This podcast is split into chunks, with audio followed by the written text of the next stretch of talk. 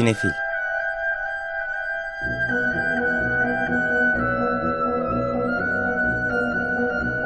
Hazırlayan ve sunanlar Melis Behlil ve Yeşim Burun.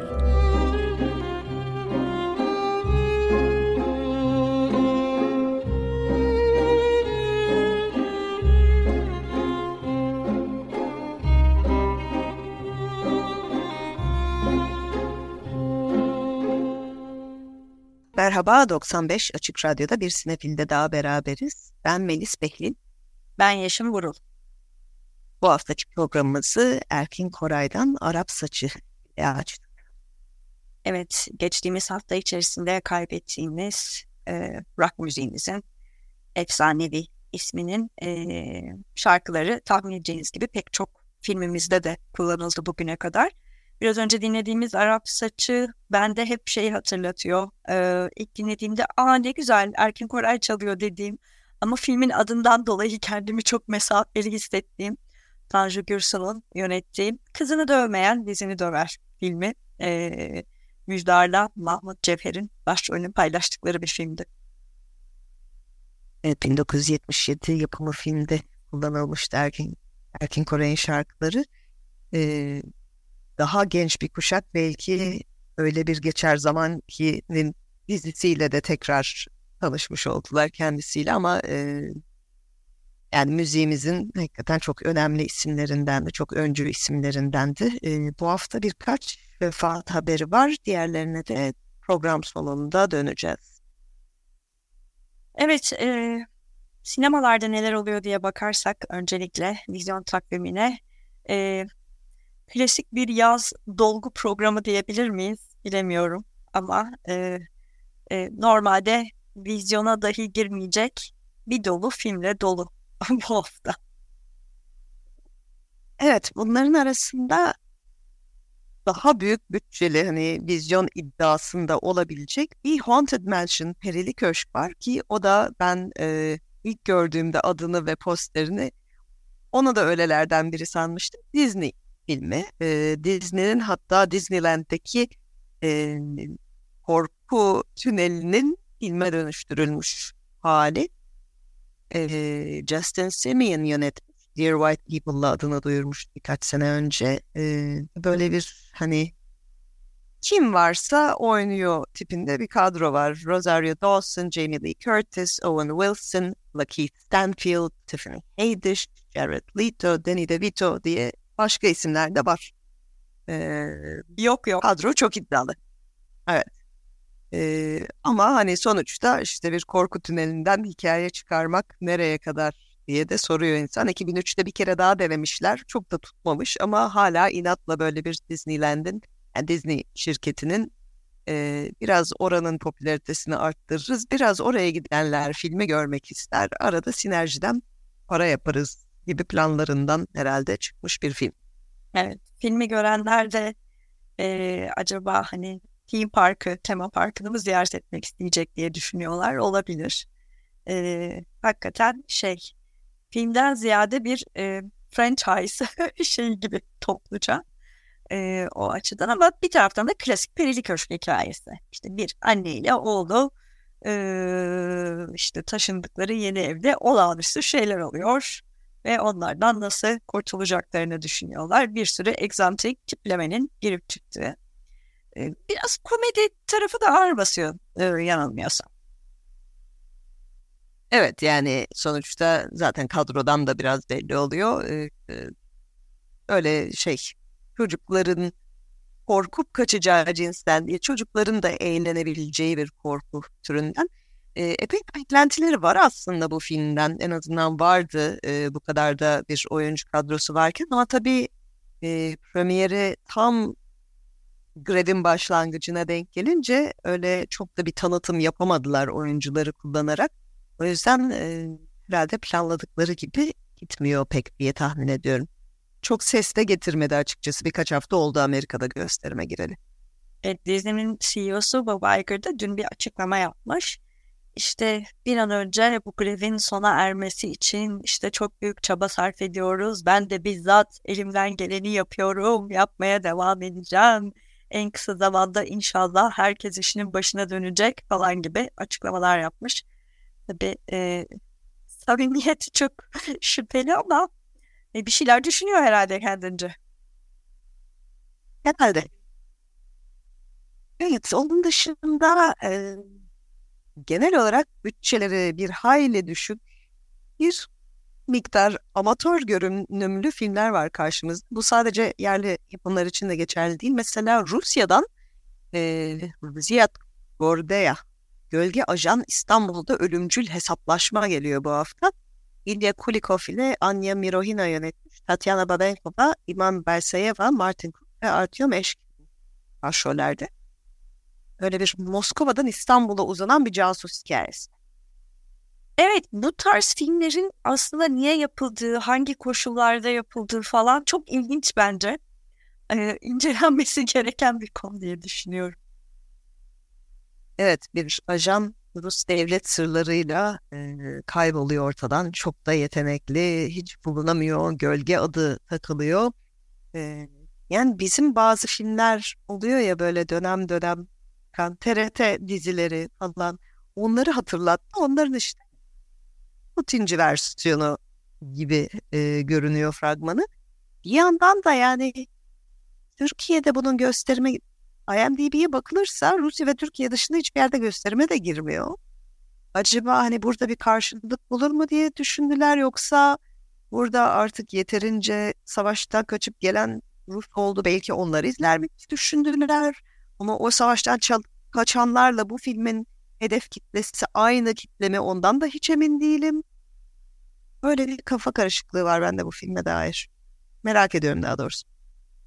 Yani evet arkasındaki o bahsettiğim bütün o e, lojistik ve ekonomik şeyleri merak ediyorum ben de. Hani bu filmin neyi düşünerek yatırım, başka çeşit, başka ticari acaba anlaşmaların bir parçası mı? Hani arada böyle şeyler yapıp vizyona da sokmak ilginç olabilir. Yakında şey de olabilir tabii TRT ve işte Rus kanalları arasında da anlaşmalar, ortak yapımlar bir şeyler. Neden olmasın? Hani benim önerim mesela şöyle bir senaryo önerebilirim.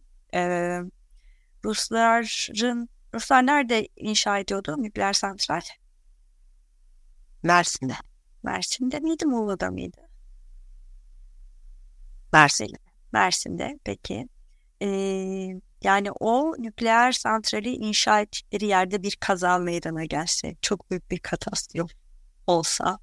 Yani böyle felaket filmlerinde bir alt türümüz var ya. Hani mesela böyle bir senaryo üzerine çalışabilir bence iki ülkenin devlet kanalları diye düşünüyorum.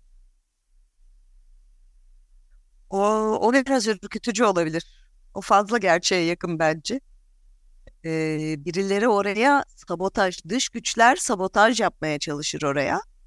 Rus ve Türk ajanları ortak çalışıp kurtarırlar. Peki görelim bakalım hangi versiyon bakalım. çıkacak karşımıza. Bu arada şaka bir yana TRT ortak yapımları son senelerde çok iddialı şeylere gidiyor TRT. Ee, Ukrayna ortak yapımı Klondike'ı yap yapmıştı Marina Er Gorbaç'ın filmi. O da geçtiğimiz hafta Amerika'da gösterime girdi bu arada ve bir hayli iyi eleştiriler aldı. Zaten Sundance'de de en iyi yönetmeni almıştı. Geçen sene pek çok ödül almıştı. Yılın e, benim de beğendiğim filmlerinden biriydi. E, Amerika'da da e, gösterimde şu anda onları da ayrıca tebrik ediyoruz bu e, gösterimi. Evet bir de İtalya'dan korku filmimiz var e, Sessiz Kabus, Sound of Silence, üç yönetmenliği Alessandro Antonacci, Daniel Lascar ve Stefano Mandala. Başrollerde Lucia Caporaso, Chiara Casolari ve Guido Carta yer alıyorlar. Emma adlı genç bir kadın Amerika'da yaşarken babası bir şekilde yaralanıyor evde. Hastaneye kaldırılıyor. O nedenle apar topar dönüyor ama babasının yaralanmasının bir takım gizemli nedenleri var. Evde perili bir radyo var çünkü ve Emma bir şekilde e, bunun gizemini çözüp aile sırlarını ortaya çıkarmaya çalışıyor. Evet, İtalyan cinli filminden yerli cinli filmimize geçelim. Tabii ki bir yerli cin filmimiz de var. Ehli Cin, e, İntikam bu da e, adını taşıyor. e, Batuhan Çelik yönetmiş. Serpil Gümüş, Gülcan Ceylan, Ozan Aksu ve Adan Urdal başrollerdeler. Acaba diyorum uluslararası cinleri yarıştıran bir film de yapılabilir mi? Türk cinleri İtalyan cinlerine karşı. Evet yani Perili Radyo dediği bildiğim cin filmi o da. Tabii. Yani. Aslında bugün bu haftanın büyük filmi Haunted Mansion'da perili cinli film işte. İşte cinler gişede kapışıyor gibi bir başlık atılabilir mesela. Evet. Evet bu hafta çok cinli bir hafta. Ee, bir grup genç diye başlayan korku filmlerinden aslında bir yandan da bu. Ee, Amerika'dan çok gördüğümüz e, iki genç çift e, tatile çıkıyorlar. E, gizemli bir kadın onları uyarsa da yollarına devam ediyorlar. Sonra tabii cinler geliyor. Peki. O da var. O da haftanın diğer cinli filmi. Bülent Orçun yönetmiş. Ceren Gülşah Elmalı, Aykut Yavuz, Mustafa Zeren ve Nazan Beyazıt başrollerde. Burada da evde cinler var. Ee, evdeki cinleri bulmanın yolu da kız arkadaşının evine gizli kamera koyup onu gözetlemek. Yani cinleri hak ediyor bunu yapan kişi bence zaten. Az bile. Evet. Ne oluyor o evde diye gittiklerinde cinler gençlerden birini öldürüyor. Meğer kamerayı koyana aşık bir cin varmış. Hmm. İşler karışıyor. Bu haftaki cin filmleri çok iddialı. Evet bu cinlerin hepsini aynı eve kapatasım var ama fazlasıyla. ee, bir de düşün şey olabilir. Köy cinleri, köy cinleri, şehir cinleri. Evet, aristokrat cinlere karşı köy cin falan gibi. Ee, evet, böyle alt türler e, türeyebilir. Ee, bir de şeyimiz var, düşük bütçeli komedi filmimiz var bu hafta. Borcumuz Borç, Abbas Karatekin yönetmiş. Onu da o da işte e, işsizlik sıkıntısı yaşayan e, genç bir adamın hikayesi. E, sıradan bir üniversitenin sıradan bir bölümünü bitirip işte iş bulamıyor, e, tefeciden borç alıyor, onu ödeyemiyor vesaire başı belaya giriyor. Aksilikler üst üste geliyor böyle bir hikaye ama oldukça dediğim gibi. Evet aslında mafya komedi ve mafya ile başı belaya giren e, beceriksiz genç komedileri de alt bir grup oluşturdular zaten birkaç senedir. Bu da onlardan. İki tane animasyon var. Ee, biri Meksika'dan Yumurtalar Firar'da Afrika macerası. Ee, diğeri ise Almanya'dan e, Bıcırıklar Yeni Yuvamız. İkisi de aslında hoş görünen animasyonlar. Ee, bir hayli özenli yapılmış. Belli dizilerin devamları. Ee, çeşitli maceralar yaşayan tavuk ailesiyle minik yaratık bıcırıkların öyküleri. Ama bütün bu yeni filmlerin ötesinde bu haftanın e, en ilginç üç filmi 1953, 63 ve 67'den geliyor. Evet, e, başka sinema kapsamında e, bir Jacques Tati gösterimi başlıyor bu hafta özel. Ve biz de esasen aslında bunlardan bahsetmek istiyoruz. 53 yapımı e, Monsieur Hulot'un e, tatili, Bay Hulot'un tatili. 63 yapımı e, Manon. E, amcam diye çevriliyor Türkçe'ye bu. Ama bence dayım. Çünkü dayım, evet. dayım bu. Niye amcam diye çevriliyor? Bunu düzeltmek lazım. E, bunu bir şeyle daha tüm da konuşmak gerekiyor. Çünkü e, çocuğun annesinin e, şeyi e, kardeşi. E, Monsieur Hulot yine burada. Ve 67 yapımı Playtime oyun vakti. E, yani her birini ayrı ayrı konuşabiliriz ama e, Tati'nin e, sineması e, büyük ek perdede izlemek, beyaz perdede izlemek hakikaten çok farklı bir deneyim. O yüzden bu hafta e, sinemaya gitme şansınız varsa, filme gitmeyi düşünüyorsanız ne izleyimin sorusunun cevabı bence bu üçleme. Evet hatta hani birini seçecekseniz her ne kadar itiraf edeyim tamamını izleyememiş olsam da hep bölük bölçük karşıma çıktı. Playtime oyun vaktini büyük bir perdede görmeyi ben yıllardır bekliyorum. e, hani tasarımı olarak sinema için düşünülüşü olarak e, bir yana Jacques Tati'yi iflas ettiren film maalesef. E, bütün o iddiasının içinde. Ama hani e, o Chaplin geleneğini devam ettiren tabii ki 60'larda ses var konuşma olabiliyor ama o sesi çok daha farklı. Hiç konuşmaya girmeden öyle bir komedi kullanmayıp e, sinemanın kendi ögelerini komediye çevirerek ve bir yandan da modern hayat üzerine çok e, incelikli, hatlı e, bir hiciv yaparak e, hakikaten e, tekrar, tekrar tekrar izlenebilecek filmler bunlar. Evet, Monsieur Hulot bir kere başlı başına bir karakter olarak e, birazcık şey gibi, e, Tati'nin hem alter egosu gibi kendisinin modern dünyayla ve hayatta kurduğu ilişki üzerine e, zihinsel egzersizler yapmak için kullandığı e, biraz şey, e, karton bir figür, e, onu diyebiliriz. Çünkü Baylo'nun tatilinde e, işte sevimli ama beceriksiz bir e, Fransız olan e, Bayulo bir deniz kenarına e, deniz kenarında bir beldeye tatile gidiyor.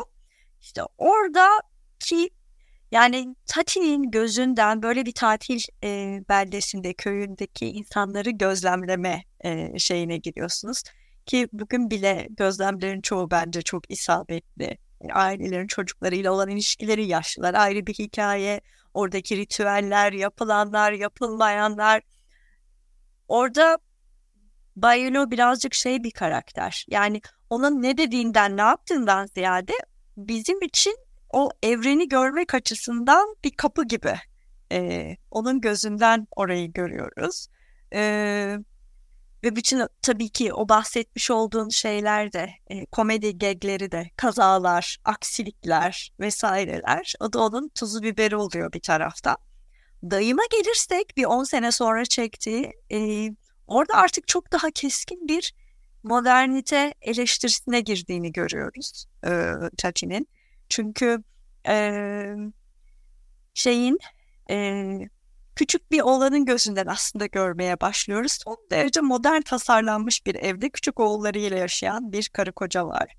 Ee, ve her şey o kadar planlı ki işte ilk modern şeylerin, evlerin çıktığı, böyle gözümde birdenbire jetgiller çizgi filmi de dönmeye başlıyor ama bu kumandalarla işte kapıların açılıp kapanması, mutfak aygıtlarının akıllılaşması vesaire, o bahçedeki sulama sistemleri, ışık sistemleri, o bu derken e, Arpel aslında çok sıkı regüle edilen e, bir sistem içerisinde kapatılmış durumda.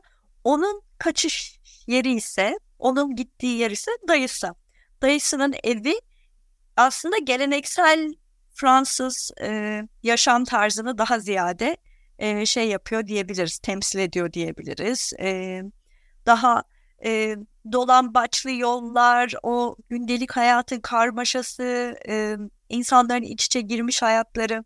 Yani kendi ailesine son... Vertisi ve Wes Anderson'ın evet. e, The French e, Dispatch'teki zaten e, evler, şehirler, tasarımlar da sanki şeyin Ülo'nun e, Mononc'daki e, dünyasından fırlamış gibiydi. Tabii direkt ona selam çakıyor. Bir de Tati'nin zaten kendisinden sonra gelen e, bence modern zamanın en önemli bir takım sinemacılarını hep çok etkilediğini e, konuşuyoruz biz de yeri geldikçe. Dediğin gibi Wes Anderson kesinlikle bunlardan biri. Bir diğeri de David Lynch mesela. Hani onu da konuşmak lazım. Lynch bizzat kendisi de anlatıyor. Özellikle Tati'nin ses tasarımından e, anlatı üretmesi, ses ve görüntü arasındaki uyumsuzluktan gerektiğinde komedi, gerektiğinde gerilim yaratılabildiğini Tati'den öğrendim diye anlatır mesela. Filmlerinden çok spesifik örnekler vererek. E, o açıdan film gramerini anlamak, sinemanın o görsel dili, kendi dili içerisinde anlatının nasıl oluştuğunu deneyimlemek için e, bence çok mükemmel bir sinema. Yani illa böyle bir hikaye, anlatıya ihtiyaç duymadan sinema yapan e, en önemli yönetmenlerden, otör yönetmenlerden biri diyebiliriz. Melis'in de dediği gibi e, kafasındaki sinemayı yapmakla o kadar şey ki aslında e, odaklanmış durumdaki işte ilk filmlerinden fena da olmayan bir gelir kazandıktan sonra o kendi büyük başyapıt olarak düşündüğü Playtime yapmak için varını yoğunu ona yatırıyor. Devasa setler kuruluyor onu çekebilmek için borç da alıyor. Sonrasında da çok büyük bir borç batağına giriyor. Evet, e, o yüzden bu filmleri hazır bulmuşken Beyaz Perde'de izlemekte fayda var. E, Jacques Tati'yi tekrar anmak için.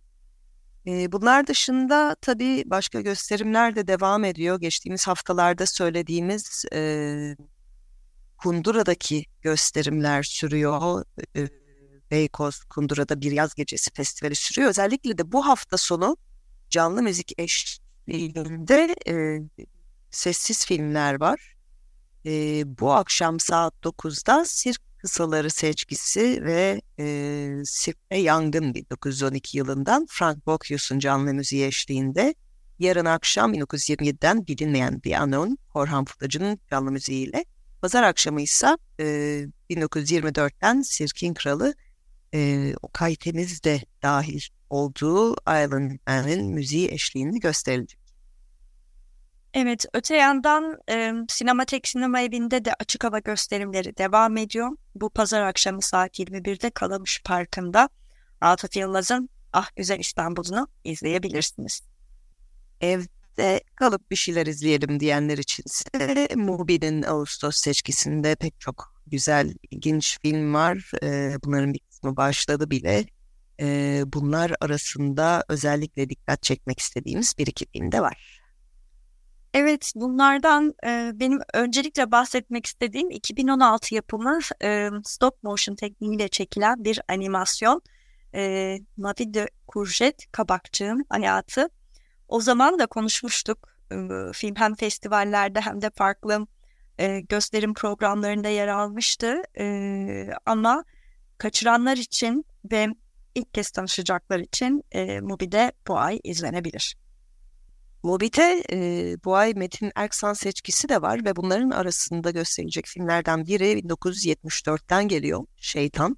The Exorcist'in e, yeniden çekimi ya da romanın uyarlaması aslında ama öyle bir uyarlama ki tabii buraya uyarlayıp e, papazla değil e, burada bir imamla e, o şeytan çıkarma yapılıyor. Hakikaten çok yaratıcı bir e, uyarlama tıpkı e, Metin Erksan'ın Hamlet'i de kadın Hamlet olarak tekrar yaratması gibi. E, ve buradan da aslında bu haftaki bir diğer kayıba bağlanıyoruz. Çünkü Şeytanın The Exorcist'in meşhur yönetmeni William Friedkin bu hafta hayata veda etti. Evet, e, geçtiğimiz İstanbul Film Festivali'nde de bir retrospektifi seyircilerle buluşmuştu. E, ilginç bir şekilde onun da zamanlaması öyle denk geldi. Ama Friedkin 87 yaşında aramızdan ayrıldı. Melis'in de dediği gibi Exorcist en bilinen filmlerinden biri ama çok sayıda filmi var ee, şeye e, açıkçası 1970'ler 80'ler sinemasının e, önemli isimlerinden biriydi. The French Connection filmiyle de e, Oscar kazanmıştı. Oscar alan tek filmidir o da hala da e, aktif olarak çalışıyordu aslında ve son filmi e, önümüzdeki haftalarda e, Venedik Film Festivali'ne gösterilecek. Birkaç sene önce, 10 sene önce Venedik'te ömür boyu başarı ödülünü aldı. Ona rağmen çalışmaya devam ediyordu ve e, dediğim gibi son filmi önümüzdeki haftalarda e, The Kane Mutiny Court Martial, Kiefer Sutherland ve Jason Clarke başrollerde e, Venedik'te gösterilecek. Son haftalarda benim yine e, bir şekilde aslında e, Friedkin'le yolum kesişti. Çünkü The Devil and Father Amorth adlı da bir belgeseli var. Bu Vatikan'ın e, şeytan çıkarıcısı üzerine bir kurmaca film vardı geçtiğimiz haftalarda Russell Crowe'un oynadığı. O karakter, o kişi, e, o papaz üzerine bir belgesel yapmış. 2017'de William Friedkin zaten kariyerine başlaması da belgesellerle o yüzden son senelerde de tekrar belgeselciliğe e, dönüş yapmışlığı var aslında. Evet, e, William Friedkin de aramızdan ayrıldı. Yine geçtiğimiz hafta içerisinde e, bir başka e, yine belgesel dünyasından hayatımıza girmiş bir müzisyeni daha kaybettik. O da Sixto Rodriguez ya da daha çok bilinen adıyla Sugarman. Evet 81 yaşında hayatını kaybetti Rodriguez. 2012 yapımı e, Searching for Sugar Man bizde bir şarkının peşinde olarak çevrilmişti. E, belgeseliyle e, çok dünyaca meşhur oldu. Çünkü Amerika'da hiçbir zaman çok tanınmamış ama meğer Güney Afrika'da çok çok çok meşhurmuş. Plakları Elvis'inkilerden fazla satarmış. Ve bu hikayenin peşine düşen e, belgeselciler sayesinde bütün dünyada e, tanınan bir e, isim haline geldi Rodriguez. E, filmin yönetmeni Malik Bencelul ise filmden birkaç sene sonra genç bir yaşta e, intihar etmişti. Onu da böylelikle anmış olalım. Evet, o 2012 yılındaki filmle hayatımıza girip müzikleriyle çok daha uzun süre aslında bizimle kaldı. Kalmaya da devam ediyor e, Dexter Rodriguez. E, ilginç bir şey oldu onun da bence. E, ünlü olma. Çünkü hiç ünlü olduğunu farkında olmadan ünlü olmasının hikayesi o belgeselde o kadar güzel e, anlatılıyordu ki belgesel olarak da çok başarılıydı, çok etkileyiciydi. Hani izlememiş olanlar için bu fırsatla belki onu da izlerler. Searching for Sugar Man'i ve de e, Dexter Rodriguez'in güzel müziklerini dinlerler. Evet, bu haftaki programımızın da sonuna geliyoruz böylelikle. Teknik Masa'daki arkadaşlarımıza ve bu haftaki destekçilerimize çok teşekkür ediyoruz. Programın kalanında e, bu filmde kullanılan Dexter Rodriguez parçalarını çalacağız sizlere. Evet, biz de Sugarman'le veda ediyoruz. Ee, umarım o da gittiği yerde müzik yapmaya devam ediyordur diyelim. Herkese iyi seyirler. İyi hafta sonları.